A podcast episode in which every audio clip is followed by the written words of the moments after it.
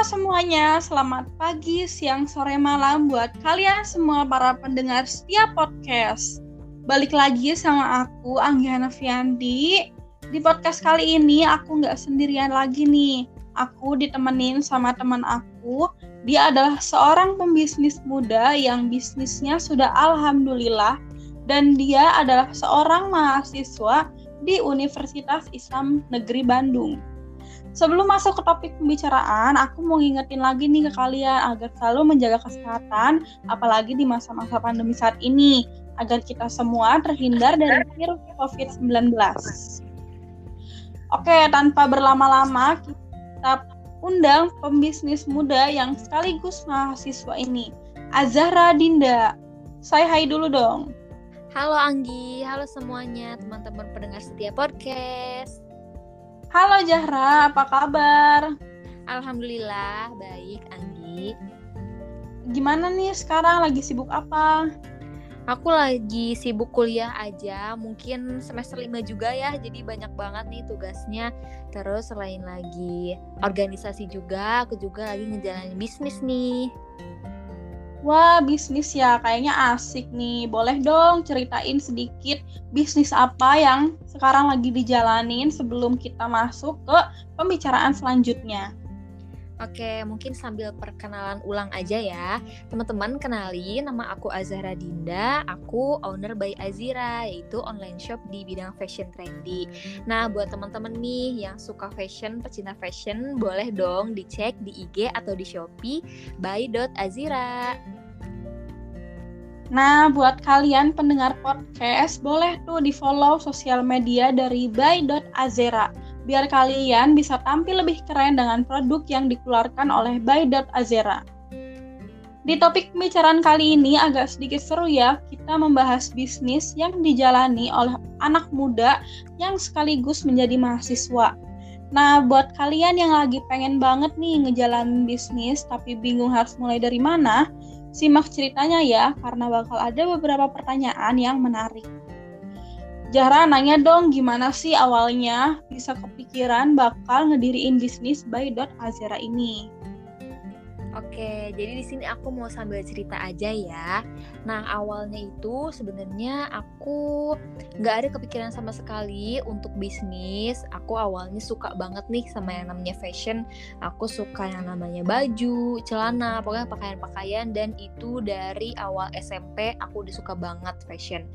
Tapi aku nggak ada sama sekali kepikiran untuk uh, hal uang bisnis gak ada. Bahkan aku jadi orang yang sangat amat boros buang-buang uang hanya untuk hal-hal yang kayak gitulah baju lagi baju lagi gitu. Uh, sampai akhirnya aku kepikiran untuk kayaknya enak nih kalau uh, desain yang ada di kepala kita nih ide kita ini dijadiin sebuah produk yang belum ada gitu di masyarakat gitu. Akhirnya aku kayak oh ya udahlah mungkin aku ada cita-cita juga nih untuk uh, akhirnya punya bisnis pakaian gitu. Tapi di awal itu aku nggak langsung di produk by Azira nih gitu. Awalnya aku berawal dari thrifting dulu yaitu baju-baju yang ya thrifting ya bekas gitu. Tapi banyak banget sih rintangan-rintangannya jadi aku juga nggak uh, melulu di thrifting. Terus akhirnya aku pindah lagi produk selanjutnya dan selanjutnya lagi gitu uh, buat membangun suatu bisnis ya, kan ada yang namanya modal nih. Ngomongin masalah modal, gimana sih cara kamu mengumpulkan modal tersebut sampai akhirnya terbentuk bisnis by Dot Azera ini? Secara kan di masa pandemi saat ini orang uh, susah untuk mendapatkan penghasilan, tapi kamu malah mendirikan sebuah bisnis by Dot Azera ini. Oke, tadi kan aku bilang itu bisnis aku nggak cuma di eh gak langsung di Bay Azira ya gitu. Aku berawal di Mei 2020 sekitar bulan ituan, aku bermula di bisnis thrifting dulu. Tapi uh, mungkin di situ aku kurang cocok juga dan ngerasa ya nggak mampu juga.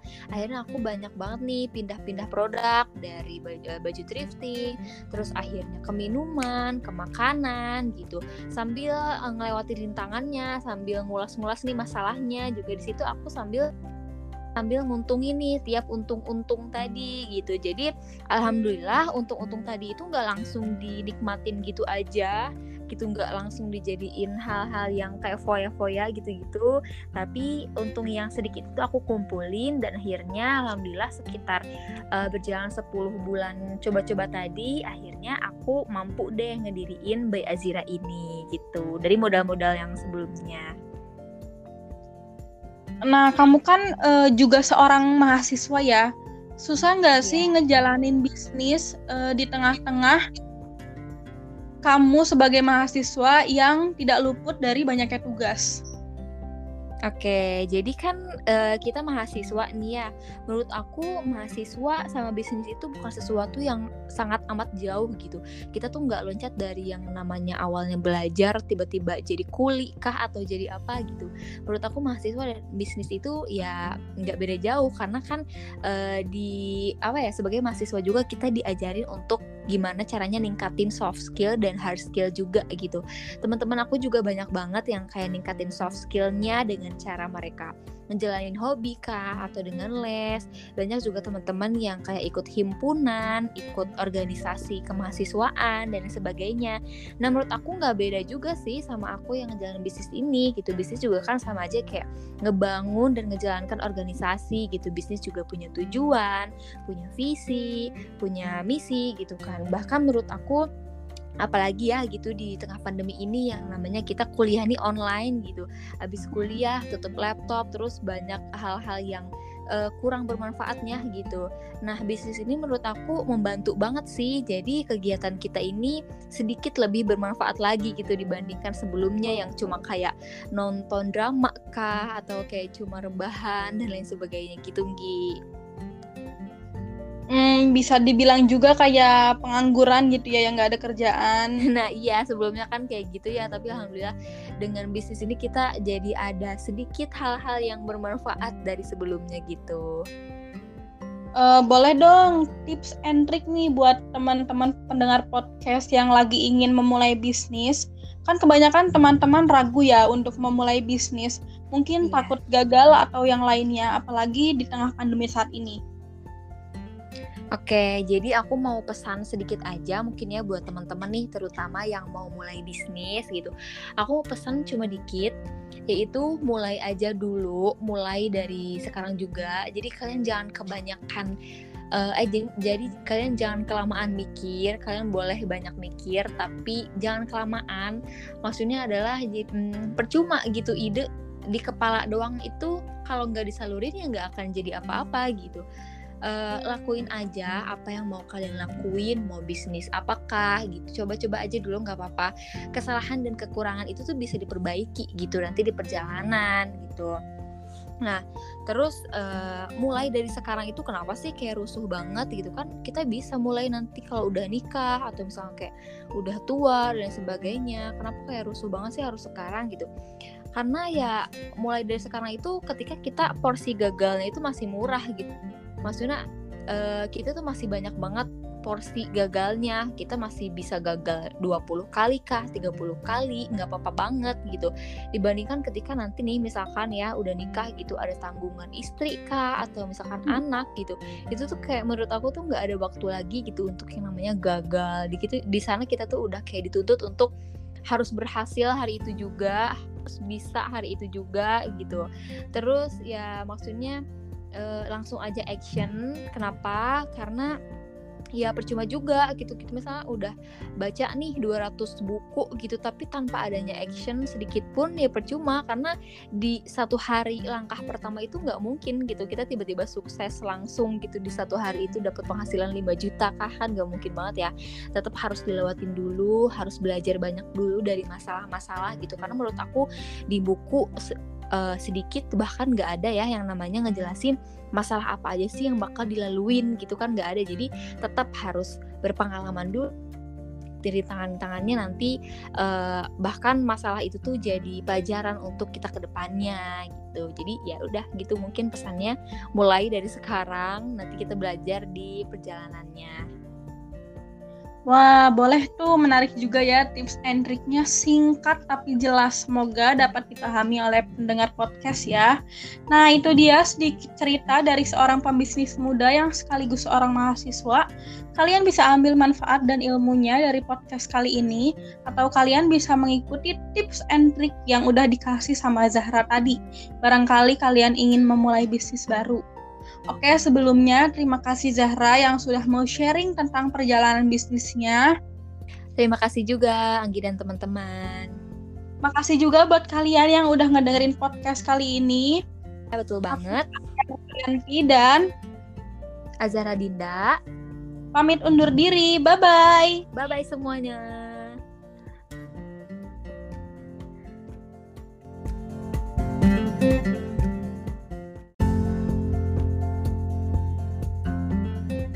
Semuanya, selamat pagi, siang, sore, malam buat kalian semua para pendengar setiap podcast. Balik lagi sama aku, Anggiana Fiandi. Di podcast kali ini aku nggak sendirian lagi nih. Aku ditemenin sama teman aku. Dia adalah seorang pembisnis muda yang bisnisnya sudah alhamdulillah dan dia adalah seorang mahasiswa di Universitas Islam Negeri Bandung. Sebelum masuk ke topik pembicaraan, aku mau ngingetin lagi nih ke kalian agar selalu menjaga kesehatan, apalagi di masa-masa pandemi saat ini, agar kita semua terhindar dari virus COVID-19. Oke, tanpa berlama-lama, kita undang pembisnis muda yang sekaligus mahasiswa ini, Azahra Dinda. Saya hai dulu dong. Halo Anggi, halo semuanya teman-teman pendengar setia podcast. Halo Zahra, apa kabar? Alhamdulillah, baik Anggi. Gimana nih sekarang lagi sibuk apa? Aku lagi sibuk kuliah aja, mungkin semester 5 juga ya, jadi banyak banget nih tugasnya. Terus selain lagi organisasi juga, aku juga lagi ngejalanin bisnis nih. Wah, bisnis ya, kayaknya asik nih. Boleh dong ceritain sedikit bisnis apa yang sekarang lagi dijalanin sebelum kita masuk ke pembicaraan selanjutnya. Oke, mungkin sambil perkenalan ulang aja ya. Teman-teman kenali nama aku Azhara Dinda, aku owner by Azira, yaitu online shop di bidang fashion trendy. Nah, buat teman-teman nih yang suka fashion, pecinta fashion, boleh dong dicek di IG atau di Shopee by.azira. Nah, buat kalian pendengar podcast, boleh tuh di-follow sosial media dari by.azera biar kalian bisa tampil lebih keren dengan produk yang dikeluarkan oleh By.Azera. Di topik pembicaraan kali ini agak sedikit seru ya, kita membahas bisnis yang dijalani oleh anak muda yang sekaligus menjadi mahasiswa. Nah, buat kalian yang lagi pengen banget nih ngejalanin bisnis tapi bingung harus mulai dari mana, simak ceritanya ya, karena bakal ada beberapa pertanyaan yang menarik. Jara nanya dong gimana sih awalnya bisa kepikiran bakal ngediriin bisnis by Dot Azera ini. Oke, jadi di sini aku mau sambil cerita aja ya. Nah, awalnya itu sebenarnya aku nggak ada kepikiran sama sekali untuk bisnis. Aku awalnya suka banget nih sama yang namanya fashion. Aku suka yang namanya baju, celana, pokoknya pakaian-pakaian dan itu dari awal SMP aku udah suka banget fashion. Tapi aku nggak ada sama sekali kepikiran untuk uh, hal uang bisnis gak ada. Bahkan aku jadi orang yang sangat amat boros buang-buang uang hanya untuk hal-hal yang kayak gitulah baju lagi baju lagi gitu. Uh, sampai akhirnya aku kepikiran untuk kayaknya enak nih kalau uh, desain yang ada di kepala kita nih ide kita ini dijadiin sebuah produk yang belum ada gitu di masyarakat gitu. Akhirnya aku kayak oh ya udahlah mungkin aku ada cita-cita juga nih untuk uh, akhirnya punya bisnis pakaian gitu. Tapi di awal itu aku nggak langsung di produk by Azira nih gitu. Awalnya aku berawal dari thrifting dulu yaitu baju-baju yang ya thrifting ya bekas gitu. Tapi banyak banget sih rintangan-rintangannya jadi aku juga nggak uh, melulu di thrifting. Terus akhirnya aku pindah lagi produk selanjutnya dan selanjutnya lagi gitu. Uh, buat membangun suatu bisnis ya kan ada yang namanya modal nih ngomongin masalah modal, gimana sih cara kamu mengumpulkan modal tersebut sampai akhirnya terbentuk bisnis by Azera ini? Secara kan di masa pandemi saat ini orang uh, susah untuk mendapatkan penghasilan, tapi kamu malah mendirikan sebuah bisnis by Azera ini.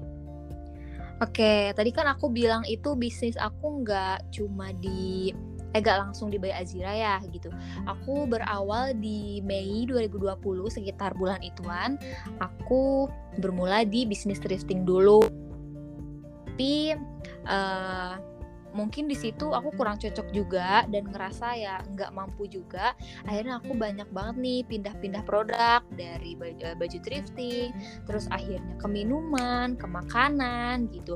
Sambil uh, ngelewati rintangannya sambil ngulas-ngulas nih masalahnya juga di situ aku sambil sambil nguntungin nih tiap untung-untung tadi gitu. Jadi alhamdulillah untung-untung tadi itu nggak langsung dinikmatin gitu aja gitu nggak langsung dijadiin hal-hal yang kayak foya-foya gitu-gitu tapi untung yang sedikit itu aku kumpulin dan akhirnya alhamdulillah sekitar uh, berjalan 10 bulan coba-coba tadi akhirnya aku mampu deh ngediriin Bay Azira ini gitu dari modal-modal yang sebelumnya Nah, kamu kan uh, juga seorang mahasiswa ya. Susah nggak yeah. sih ngejalanin bisnis uh, di tengah-tengah kamu sebagai mahasiswa yang tidak luput dari banyaknya tugas. Oke, jadi kan uh, kita mahasiswa nih ya. Menurut aku mahasiswa sama bisnis itu bukan sesuatu yang sangat amat jauh gitu. Kita tuh nggak loncat dari yang namanya awalnya belajar tiba-tiba jadi kuli kah atau jadi apa gitu. Menurut aku mahasiswa dan bisnis itu ya nggak beda jauh karena kan uh, di apa ya sebagai mahasiswa juga kita diajarin untuk gimana caranya ningkatin soft skill dan hard skill juga gitu. Teman-teman aku juga banyak banget yang kayak ningkatin soft skillnya dengan cara mereka menjalani hobi kah atau dengan les. Banyak juga teman-teman yang kayak ikut himpunan ikut organisasi kemahasiswaan dan sebagainya.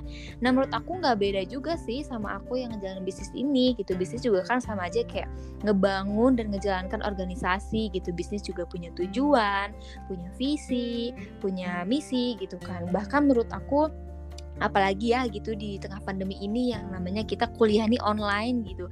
Habis kuliah tutup laptop terus banyak hal-hal yang uh, kurang bermanfaatnya gitu. Nah bisnis ini menurut aku membantu banget sih. Jadi kegiatan kita ini sedikit lebih bermanfaat lagi gitu dibandingkan sebelumnya yang cuma kayak nonton drama kah atau kayak cuma rebahan dan lain sebagainya gitu Gi Hmm, bisa dibilang juga kayak pengangguran gitu ya yang nggak ada kerjaan. Nah iya sebelumnya kan kayak gitu ya tapi alhamdulillah dengan bisnis ini kita jadi ada sedikit hal-hal yang bermanfaat dari sebelumnya gitu. Uh, boleh dong tips and trick nih buat teman-teman pendengar podcast yang lagi ingin memulai bisnis. Kan kebanyakan teman-teman ragu ya untuk memulai bisnis. Mungkin yeah. takut gagal atau yang lainnya apalagi di tengah pandemi saat ini. Oke, jadi aku mau pesan sedikit aja mungkin ya buat teman-teman nih terutama yang mau mulai bisnis gitu.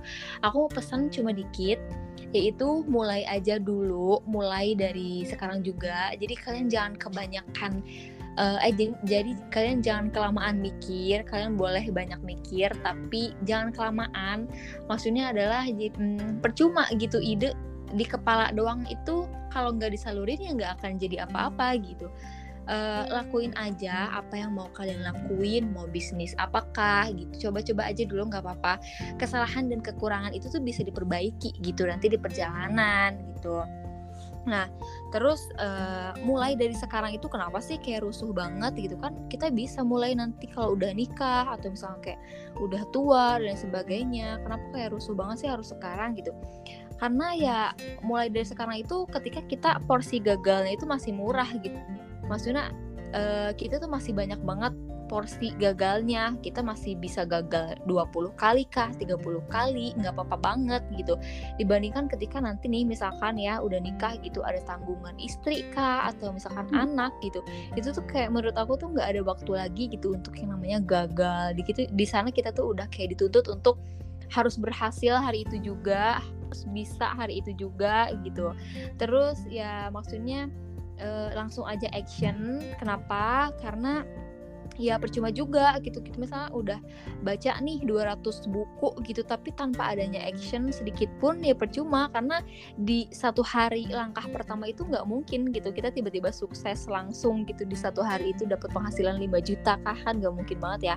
Tetap harus dilewatin dulu harus belajar banyak dulu dari masalah-masalah gitu. Karena menurut aku di buku uh, sedikit bahkan nggak ada ya yang namanya ngejelasin masalah apa aja sih yang bakal dilaluin gitu kan nggak ada. Jadi tetap harus berpengalaman dulu dari tangan-tangannya nanti uh, bahkan masalah itu tuh jadi pelajaran untuk kita ke depannya gitu. Jadi ya udah gitu mungkin pesannya mulai dari sekarang nanti kita belajar di perjalanannya Wah, boleh tuh menarik juga ya tips and triknya singkat tapi jelas. Semoga dapat dipahami oleh pendengar podcast ya. Nah, itu dia sedikit cerita dari seorang pembisnis muda yang sekaligus seorang mahasiswa. Kalian bisa ambil manfaat dan ilmunya dari podcast kali ini atau kalian bisa mengikuti tips and trik yang udah dikasih sama Zahra tadi. Barangkali kalian ingin memulai bisnis baru. Oke, sebelumnya terima kasih Zahra yang sudah mau sharing tentang perjalanan bisnisnya. Terima kasih juga Anggi dan teman-teman. Makasih juga buat kalian yang udah ngedengerin podcast kali ini. Ya, betul banget. Yanti dan Azara Dinda.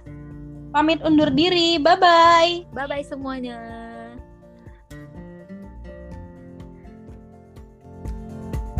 thank you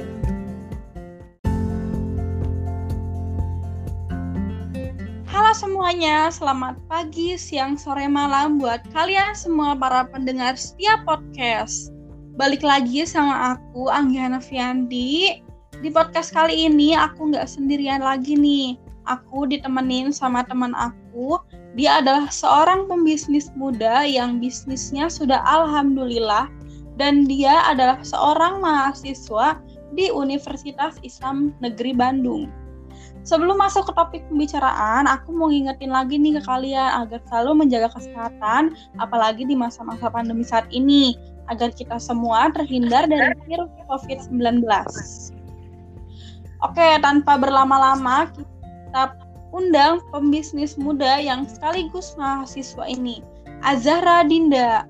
Saya hai dulu dong. Halo Anggi, halo semuanya teman-teman pendengar setia podcast.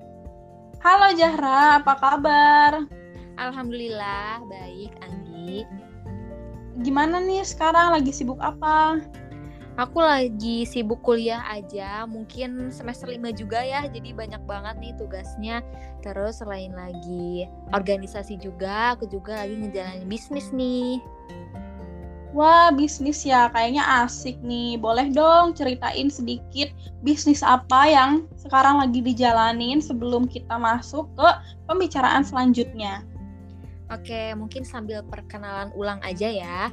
Teman-teman kenali nama aku Azhara Dinda, aku owner by Azira, yaitu online shop di bidang fashion trendy.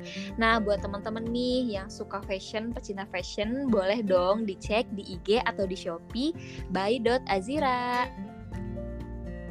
Nah, buat kalian pendengar podcast, boleh tuh di-follow sosial media dari by.azera biar kalian bisa tampil lebih keren dengan produk yang dikeluarkan oleh By.Azera. Di topik pembicaraan kali ini agak sedikit seru ya, kita membahas bisnis yang dijalani oleh anak muda yang sekaligus menjadi mahasiswa.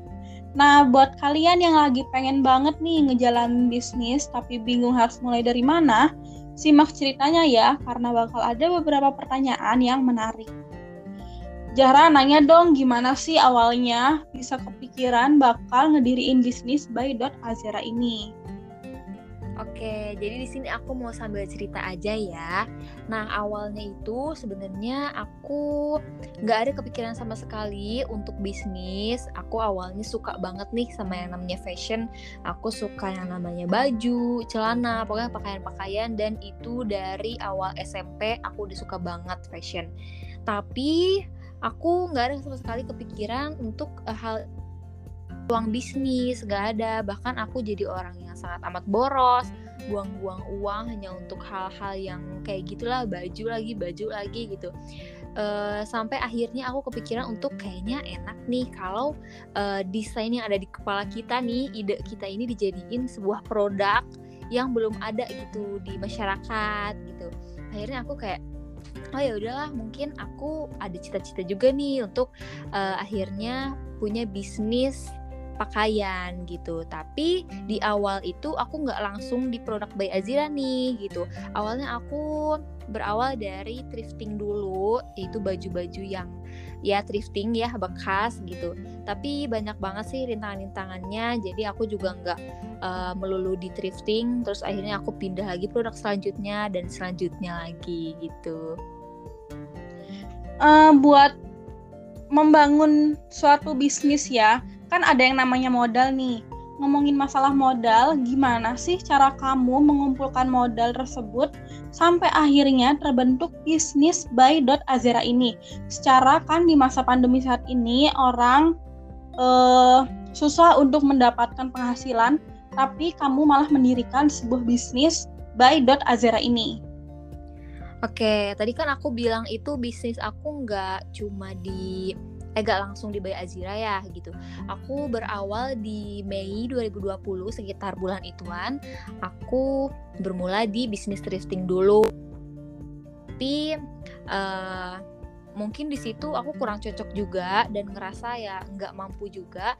Akhirnya aku banyak banget nih pindah-pindah produk dari baju, eh, baju thrifting terus akhirnya ke minuman ke makanan gitu. Sambil uh, ngelewati rintangannya sambil ngulas-ngulas nih masalahnya juga di situ aku sambil sambil nguntungin nih tiap untung-untung tadi gitu. Jadi alhamdulillah untung-untung tadi itu nggak langsung dinikmatin gitu aja gitu nggak langsung dijadiin hal-hal yang kayak foya-foya gitu-gitu tapi untung yang sedikit itu aku kumpulin dan akhirnya alhamdulillah sekitar uh, berjalan 10 bulan coba-coba tadi akhirnya aku mampu deh ngediriin Bay Azira ini gitu dari modal-modal yang sebelumnya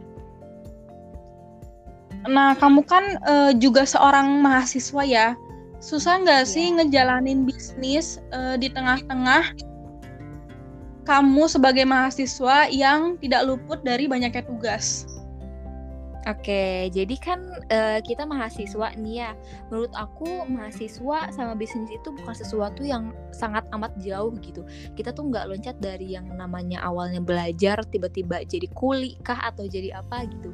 Menurut aku mahasiswa dan bisnis itu ya nggak beda jauh karena kan uh, di apa ya sebagai mahasiswa juga kita diajarin untuk gimana caranya ningkatin soft skill dan hard skill juga gitu. Teman-teman aku juga banyak banget yang kayak ningkatin soft skillnya dengan cara mereka menjalani hobi kah atau dengan les. Banyak juga teman-teman yang kayak ikut himpunan ikut organisasi kemahasiswaan dan sebagainya. Nah menurut aku nggak beda juga sih sama aku yang ngejalanin bisnis ini gitu. Bisnis juga kan sama aja kayak ngebangun dan ngejalankan organisasi gitu. Bisnis juga punya tujuan punya visi punya misi gitu kan. Bahkan menurut aku apalagi ya gitu di tengah pandemi ini yang namanya kita kuliah nih online gitu habis kuliah tutup laptop terus banyak hal-hal yang uh, kurang bermanfaatnya gitu. Nah, bisnis ini menurut aku membantu banget sih. Jadi kegiatan kita ini sedikit lebih bermanfaat lagi gitu dibandingkan sebelumnya yang cuma kayak nonton drama kah atau kayak cuma rebahan dan lain sebagainya gitu, Gi hmm, bisa dibilang juga kayak pengangguran gitu ya yang nggak ada kerjaan. Nah iya sebelumnya kan kayak gitu ya tapi alhamdulillah dengan bisnis ini kita jadi ada sedikit hal-hal yang bermanfaat dari sebelumnya gitu. Uh, boleh dong tips and trick nih buat teman-teman pendengar podcast yang lagi ingin memulai bisnis. Kan kebanyakan teman-teman ragu ya untuk memulai bisnis. Mungkin yeah. takut gagal atau yang lainnya, apalagi di tengah pandemi saat ini. Oke, jadi aku mau pesan sedikit aja mungkin ya buat teman-teman nih terutama yang mau mulai bisnis gitu. Aku mau pesan cuma dikit yaitu mulai aja dulu, mulai dari sekarang juga. Jadi kalian jangan kebanyakan uh, eh jadi kalian jangan kelamaan mikir, kalian boleh banyak mikir tapi jangan kelamaan. Maksudnya adalah hmm, percuma gitu ide di kepala doang itu kalau nggak disalurin ya nggak akan jadi apa-apa gitu uh, lakuin aja apa yang mau kalian lakuin mau bisnis apakah gitu coba-coba aja dulu nggak apa-apa kesalahan dan kekurangan itu tuh bisa diperbaiki gitu nanti di perjalanan gitu Nah, terus uh, mulai dari sekarang itu kenapa sih kayak rusuh banget gitu kan? Kita bisa mulai nanti kalau udah nikah atau misalnya kayak udah tua dan sebagainya. Kenapa kayak rusuh banget sih harus sekarang gitu? Karena ya mulai dari sekarang itu ketika kita porsi gagalnya itu masih murah gitu. Maksudnya uh, kita tuh masih banyak banget porsi gagalnya. Kita masih bisa gagal 20 kali kah 30 kali nggak apa-apa banget gitu. Dibandingkan ketika nanti nih misalkan ya udah nikah gitu ada tanggungan istri kah atau misalkan hmm. anak gitu. Itu tuh kayak menurut aku tuh nggak ada waktu lagi gitu untuk yang namanya gagal. Di gitu di sana kita tuh udah kayak dituntut untuk harus berhasil hari itu juga harus bisa hari itu juga gitu. Terus ya maksudnya uh, langsung aja action. Kenapa? Karena ya percuma juga gitu. Gitu misalnya udah baca nih 200 buku gitu tapi tanpa adanya action sedikit pun ya percuma. Karena di satu hari langkah pertama itu nggak mungkin gitu. Kita tiba-tiba sukses langsung gitu di satu hari itu dapat penghasilan 5 juta kah? Kan nggak mungkin banget ya. Tetap harus dilewatin dulu harus belajar banyak dulu dari masalah-masalah gitu. Karena menurut aku di buku uh, sedikit bahkan nggak ada ya yang namanya ngejelasin masalah apa aja sih yang bakal dilaluin gitu kan nggak ada. Jadi tetap harus berpengalaman dulu dari tangan-tangannya nanti uh, bahkan masalah itu tuh jadi pelajaran untuk kita ke depannya gitu. Jadi ya udah gitu mungkin pesannya mulai dari sekarang nanti kita belajar di perjalanannya Wah, boleh tuh menarik juga ya tips and triknya singkat tapi jelas. Semoga dapat dipahami oleh pendengar podcast ya. Nah, itu dia sedikit cerita dari seorang pembisnis muda yang sekaligus seorang mahasiswa. Kalian bisa ambil manfaat dan ilmunya dari podcast kali ini atau kalian bisa mengikuti tips and trik yang udah dikasih sama Zahra tadi. Barangkali kalian ingin memulai bisnis baru. Oke, sebelumnya terima kasih Zahra yang sudah mau sharing tentang perjalanan bisnisnya. Terima kasih juga Anggi dan teman-teman. Makasih juga buat kalian yang udah ngedengerin podcast kali ini. Ya, betul banget. Yanti dan Azara Dinda. Pamit undur diri. Bye-bye. Bye-bye semuanya.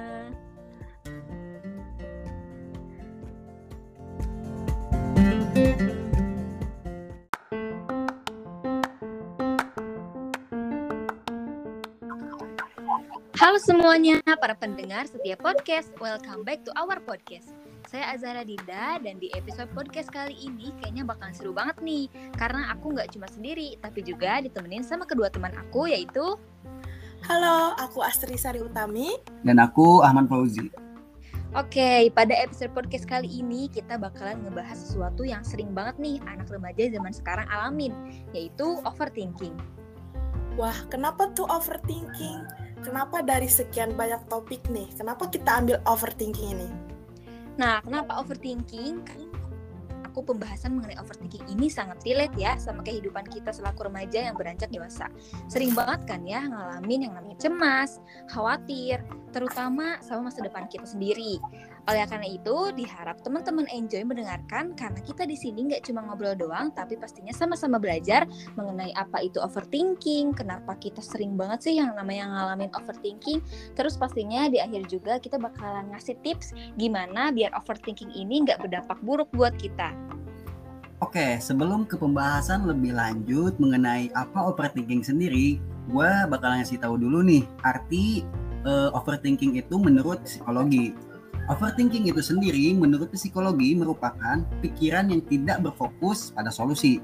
Nah, jadi seseorang yang mempunyai masalah itu cenderung bakalan terus-terusan memikirkan masalah tersebut tanpa sama sekali memikirkan solusinya. Nah, gitu. Jadi, kenapa orang bisa overthinking? Ketika orang ada keinginan untuk mengontrol sesuatu yang di luar kendali kita. Wah, apa tuh yang di luar kendali kita maksudnya?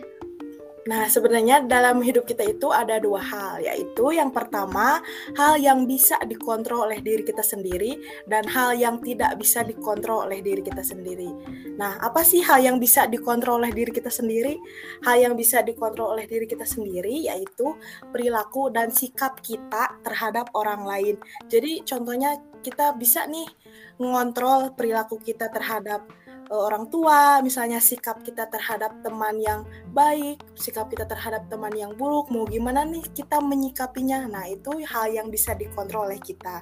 Kemudian, hal yang tidak bisa dikontrol oleh kita yaitu perilaku, sikap, dan persepsi orang lain terhadap kita. Jadi kita nggak bisa nih ngatur persepsi orang lain ke kita tuh kayak gimana. Misal kita pengen sikap teman kita tuh baik nih ke kita pengen perilaku teman kita tuh baik nih ke kita. Nah kita itu nggak bisa ya ngatur atau mengontrol perilaku orang lain terhadap kita. Jadi itu apa adanya mereka aja kita nggak bisa pengen atau kita nggak bisa kontrol harus kayak gini nih. Nah seperti itu Wah, kayaknya emang kita sering banget ya yang namanya cemas sama pandangan orang lain terhadap kita. Nah, sehubungan dengan cerita barusan nih, mungkin aku juga mau ngasih saran dikit ya buat teman-teman pendengar podcast mungkin yang sering juga overthinking. Karena ya overthinking itu sangat amat sulit diberhentikan, nggak bisa ditolak gitu aja. Karena itu naluri kita sendiri dan terjadi begitu cepat di otak kita. Ketika nih di kepala kita udah ada yang namanya gimana ya kalau aku gagal? Atau misalnya kayak kenapa ya kemarin aku gagal? Itu tuh udah terjadi overthinking. Berarti sesimpel itu gitu. Nah, itu tuh sebenarnya hal yang biasa ya. Cuma repotnya adalah ketika pertanyaan tadi itu nggak bisa kita jawab, kayak gimana ya kalau kita gini, kayak kenapa ya aku kok nggak bisa ini, atau kenapa ya kok aku nggak kayak orang lain gitu. Nah, itu tuh sebenarnya pertanyaan-pertanyaan yang bisa sangat menimbulkan ke-overthinkingan itu sendiri. Karena dari pertanyaan tersebut itu yang nggak bisa terjawab tadi, nah akhirnya muncullah worry alias kekhawatiran. Nah, dampak buruk buruknya adalah bisa bikin aktivitas sehari-hari kita itu terhambat karena pikiran-pikiran kita tadi itu bahkan bisa jadi bikin kita gangguan mental karena saking kepikiran, saking kita worry-nya itu tadi bisa buat mental kita terganggu karena terus-terusan mikirin hal yang sama tanpa henti, tanpa jeda kayak terus-terusan mikir. Jadi kita tuh gangguan mental tuh pasti akan uh, datang gitu karena terus-terusan mikir kayak gitu gitu. Wah, ternyata overthinking dampak buruknya bisa sebahaya itu ya. Nah, sekarang kita udah tahu dong ya, kalau yang namanya overthinking itu ternyata bisa sebahaya itu loh. Bahkan buat diri kita dan mental kita juga. Terus nih teman-teman, sebenarnya boleh nggak sih overthinking itu mengingatkan tadi ya, overthinking itu nggak bisa diberhentikan gitu aja. Tapi dampak buruknya juga semengerikan itu. Terus ada nggak sih overthinking yang sehat ada dong pastinya. Nah, overthinking yang sehat itu adalah ketika kita tahu how to control it. Jadi maksudnya adalah ketika kita bisa mengubah kecemasan atau kekhawatiran itu menjadi sesuatu yang berdampak baik baik buat kita. Berdampak positif lah untuk kita. Boleh cemas, tapi jadikan kecemasan itu menjadi power dan persiapan buat nanti. Bukan malah kecemasan yang membuat kita bahkan langsung jadi down gitu. Nah, kalau menurut aku sendiri nih, overthinking itu bisa jadi juga jadi dampak buruk ketika kita jadi nggak bisa optimal atau maksimal sama si hari kemudian itu. Misalnya nih, kita mau narik tiga hari lagi. Nah, satu atau dua hari sebelum itu, kita pasti nggak sih kepikiran kayak, bisa nggak ya nanti kita, bisa nggak ya kita uh, ngikutin gerakannya, nah bisa nggak ya kita fokus sama gerakannya nanti. Nah, itu tuh salah satu dampak buruk buat kita karena kita pasti terus-terusan overthinking, terus-terusan mikir. Nah, penyebabnya adalah kita jadi nggak bisa optimal dan maksimal ngejalanin kegiatan tersebut karena terus-terusan overthinking dan cemas berlebihan sama padahal kejadian yang belum terjadi gitu. Wah, oke okay, oke. Okay. Jadi kayaknya di sini aku udah dapat simpulan nih dari obrolan yang udah kita bahas tadi, yaitu ternyata overthinking emang nggak bisa kita, stop gitu aja ya. Karena yang namanya overthinking itu kan nalur manusia. Nah, tapi karena kita nggak bisa berhentiin atau stop gitu aja yang namanya overthinking, artinya kita harus tahu dan belajar mengenai how to handle it dan juga how to control it. Jadi intinya gimana kita mengubah kecemasan itu menjadi hal yang berdampak baik buat kita. aku pernah dengar suatu kalimat Intinya kita ini nggak bisa atur apa yang hidup berikan pada kita, tapi kita dikasih pilihan bagaimana kita mau memprosesnya. Nah, buat teman-teman nih, ada nggak sih tips buat para pendengar podcast? Kayak gimana sih tipsnya untuk handle si overthinking ini menjadi sesuatu yang berdampak baik buat diri kita? Nah, oke. Okay. Nah, berarti uh, kita tuh harus mencari how to handle it, bagaimana kita menghandle semua itu. Nah, mungkin kita ganti ya main fakta kalau berpikir sekali atau beberapa kali sebenarnya sama saja akan membawa perubahan yang signifikan. Sekecuali kalau mau yang signifikan itu dengan difikirkannya di jeda alias gak memikirkan hal yang sama di waktu yang berdekatan kayak kita nggak usah mikirin dulu deh hal-hal yang bisa overthinking kita istirahatin dulu deh pikiran kita gitu jadi kita nggak melulu mikirin hal-hal yang overthinking itu gitu. Oke, jadi ngasih jedanya itu biar ada referensi baru ya, Astrid? Nah, iya biar e, karena selama kita belum ada input atau data baru bagi pemikiran kita yang bakal sama aja sebenarnya hasilnya gitu sebenarnya. Ya betul juga nih. Nah untuk Ahmad Fauzi nih ada nggak sih tips buat teman-teman nih kalau yang cemasnya itu sama hal-hal yang bahkan belum terjadi gitu? Ada nggak sih? Uh, kalau dari pendapat pribadi aku sendiri ya, kecemasan dan kekhawatiran itu tidak menggambarkan kenyataan gitu. Jadi ngapain pusing juga mikirin hal yang begituan toh gitu juga nggak bermanfaat gitu buat diri kita juga. Terus praktekin juga mindfulness. Intinya fokus up fokus aja sama masa yang sekarang bukan masa lalu atau masa depan. Jadi hasilnya pun maksimal gitu dan fokus sama hal yang bisa kamu kendalikan aja. Oke, intinya kita fokus sama yang hari sekarang aja dulu gitu ya. Iya, nah, teman-teman, jadi itu mungkin simpulan dari podcast kami. Semoga teman-teman bisa banyak belajar dari episode podcast kali ini ya. Biar kita tuh nggak cuma ngobrol ngalir ngidul doang gitu, tapi ada isinya, alias ada manfaat buat kalian. Mungkin kita cukupkan sampai di sini ya, Asri dan Ahmad Fauzi. Ya dong. Sampai jumpa di cerita-cerita berikutnya. Saya Azahra Dinda. Saya Sisari Utami. Dan saya Ahmad Fauzi. Dadah semua. Bye. Bye.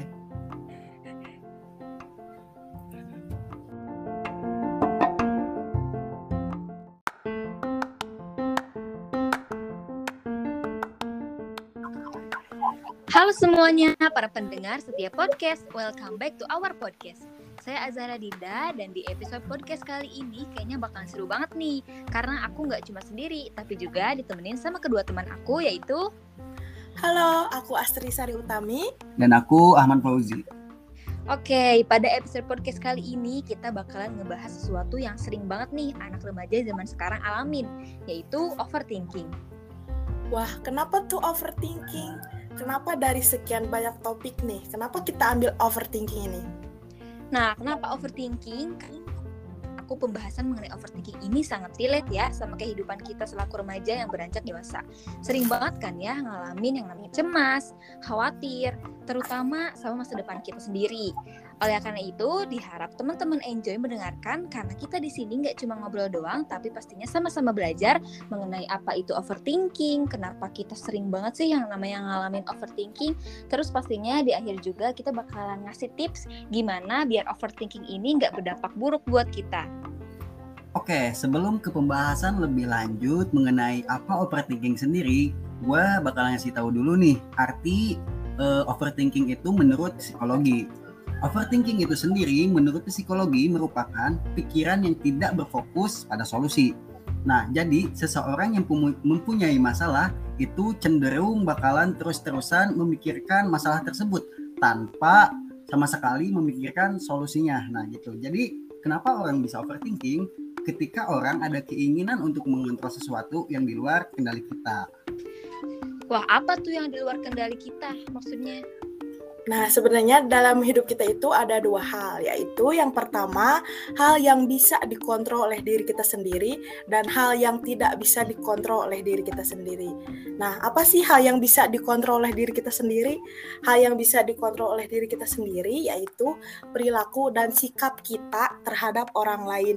Jadi, contohnya kita bisa nih mengontrol perilaku kita terhadap orang tua, misalnya sikap kita terhadap teman yang baik, sikap kita terhadap teman yang buruk, mau gimana nih kita menyikapinya. Nah, itu hal yang bisa dikontrol oleh kita. Kemudian, hal yang tidak bisa dikontrol oleh kita yaitu perilaku, sikap, dan persepsi orang lain terhadap kita. Jadi kita nggak bisa nih ngatur persepsi orang lain ke kita tuh kayak gimana. Misal kita pengen sikap teman kita tuh baik nih ke kita pengen perilaku teman kita tuh baik nih ke kita. Nah kita itu nggak bisa ya ngatur atau mengontrol perilaku orang lain terhadap kita. Jadi itu apa adanya mereka aja kita nggak bisa pengen atau kita nggak bisa kontrol harus kayak gini nih. Nah seperti itu Wah, kayaknya emang kita sering banget ya yang namanya cemas sama pandangan orang lain terhadap kita. Nah, sehubungan dengan cerita barusan nih, mungkin aku juga mau ngasih saran dikit ya buat teman-teman pendengar podcast mungkin yang sering juga overthinking. Karena ya overthinking itu sangat amat sulit diberhentikan, gak bisa ditolak gitu aja. Karena itu naluri kita sendiri dan terjadi begitu cepat di otak kita. Ketika nih di kepala kita udah ada yang namanya gimana ya kalau aku gagal? Atau misalnya kayak kenapa ya kemarin aku gagal? Itu tuh udah terjadi overthinking. Berarti sesimpel itu gitu. Nah, itu tuh sebenarnya hal yang biasa ya. Cuma repotnya adalah ketika pertanyaan tadi itu nggak bisa kita jawab, kayak gimana ya kalau kita gini? Kayak kenapa ya aku kok nggak bisa ini? Atau kenapa ya kok aku nggak kayak orang lain? Gitu. Nah itu tuh sebenarnya pertanyaan-pertanyaan yang bisa sangat menimbulkan ke overthinkingan itu sendiri. Karena dari pertanyaan tersebut itu yang nggak bisa terjawab tadi nah akhirnya muncullah worry alias kekhawatiran. Nah dampak buruknya adalah bisa bikin aktivitas sehari-hari kita itu terhambat karena pikiran-pikiran kita tadi itu. Bahkan bisa jadi bikin kita gangguan mental karena saking kepikiran, saking kita worry-nya itu tadi bisa buat mental kita terganggu karena terus-terusan mikirin hal yang sama tanpa henti, tanpa jeda kayak terus-terusan mikir. Jadi kita tuh gangguan mental tuh pasti akan uh, datang gitu karena terus-terusan mikir kayak gitu gitu. Wah, ternyata overthinking dampak buruknya bisa sebahaya itu ya. Nah, sekarang kita udah tahu dong ya, kalau yang namanya overthinking itu ternyata bisa sebahaya itu loh. Bahkan buat diri kita dan mental kita juga. Terus nih teman-teman, sebenarnya boleh nggak sih overthinking itu mengingatkan tadi ya, overthinking itu nggak bisa diberhentikan gitu aja. Tapi dampak buruknya juga semengerikan itu. Terus ada nggak sih overthinking yang sehat? Ada dong pastinya. Nah, overthinking yang sehat itu adalah ketika kita tahu how to control it. Jadi maksudnya adalah ketika kita bisa mengubah kecemasan atau kekhawatiran itu menjadi sesuatu yang berdampak baik baik buat kita. Berdampak positif lah untuk kita. Boleh cemas tapi jadikan kecemasan itu menjadi power dan persiapan buat nanti. Bukan malah kecemasan yang membuat kita bahkan langsung jadi down gitu Nah, kalau menurut aku sendiri nih, overthinking itu bisa jadi juga jadi dampak buruk ketika kita jadi nggak bisa optimal atau maksimal sama si hari kemudian itu. Misalnya nih, kita mau narik tiga hari lagi. Nah, satu atau dua hari sebelum itu, kita pasti nggak sih kepikiran kayak, bisa nggak ya nanti kita, bisa nggak ya kita uh, ngikutin gerakannya, nah bisa nggak ya kita fokus sama gerakannya nanti. Nah, itu tuh salah satu dampak buruk buat kita karena kita pasti terus-terusan overthinking, terus-terusan mikir. Nah, penyebabnya adalah kita jadi nggak bisa optimal dan maksimal ngejalanin kegiatan tersebut karena terus-terusan overthinking dan cemas berlebihan sama padahal kejadian yang belum terjadi gitu. Wah, oke okay, oke. Okay. Jadi kayaknya di sini aku udah dapat simpulan nih dari obrolan yang udah kita bahas tadi, yaitu ternyata overthinking emang nggak bisa kita, stop gitu aja ya. Karena yang namanya overthinking itu kan naluri manusia. Nah, tapi karena kita nggak bisa berhentiin atau stop gitu aja yang namanya overthinking, artinya kita harus tahu dan belajar mengenai how to handle it dan juga how to control it. Jadi intinya gimana kita mengubah kecemasan itu menjadi hal yang berdampak baik buat kita. Aku pernah dengar suatu kalimat Intinya kita ini nggak bisa atur apa yang hidup berikan pada kita, tapi kita dikasih pilihan bagaimana kita mau memprosesnya. Nah, buat teman-teman nih, ada nggak sih tips buat para pendengar podcast kayak gimana sih tipsnya untuk handle si overthinking ini menjadi sesuatu yang berdampak baik buat diri kita? Nah, oke. Okay. Nah, berarti uh, kita tuh harus mencari how to handle it, bagaimana kita menghandle semua itu. Nah, mungkin kita ganti ya main fakta kalau berpikir sekali atau beberapa kali sebenarnya sama saja akan membawa perubahan yang signifikan.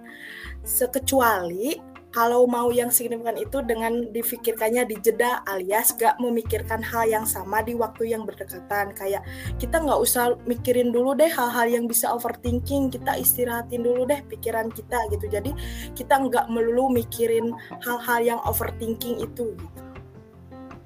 Oke, jadi ngasih jedanya itu biar ada referensi baru ya, Astrid? Nah, iya biar e, karena selama kita belum ada input atau data baru bagi pemikiran kita yang bakal sama aja sebenarnya hasilnya gitu sebenarnya. Ya betul juga nih. Nah untuk Ahmad Fauzi nih ada nggak sih tips buat teman-teman nih kalau yang cemasnya itu sama hal-hal yang bahkan belum terjadi gitu? Ada nggak sih? Uh, kalau dari pendapat pribadi aku sendiri ya, kecemasan dan kekhawatiran itu tidak menggambarkan kenyataan gitu. Jadi ngapain pusing juga mikirin hal yang begituan. Toh gitu juga nggak bermanfaat gitu buat diri kita juga. Terus praktekin juga mindfulness. Intinya fokus up, fokus aja sama masa yang sekarang, bukan masa lalu atau masa depan. Jadi hasilnya pun maksimal gitu dan fokus sama hal yang bisa kamu kendalikan aja. Oke, intinya kita fokus sama yang hari sekarang aja dulu gitu ya. Iya, nah, ya, teman-teman, jadi itu mungkin simpulan dari podcast kami. Semoga teman-teman bisa banyak belajar dari episode podcast kali ini ya. Biar kita tuh nggak cuma ngobrol ngalir ngidul doang gitu, tapi ada isinya, alias ada manfaat buat kalian. Mungkin kita cukupkan sampai di sini ya, Asri dan Ahmad Fauzi. Ya dong. Sampai jumpa di cerita-cerita berikutnya. Saya Azahra Dinda. Saya Sisari Utami. Dan saya Ahmad Fauzi. Dadah semua. Bye. Bye.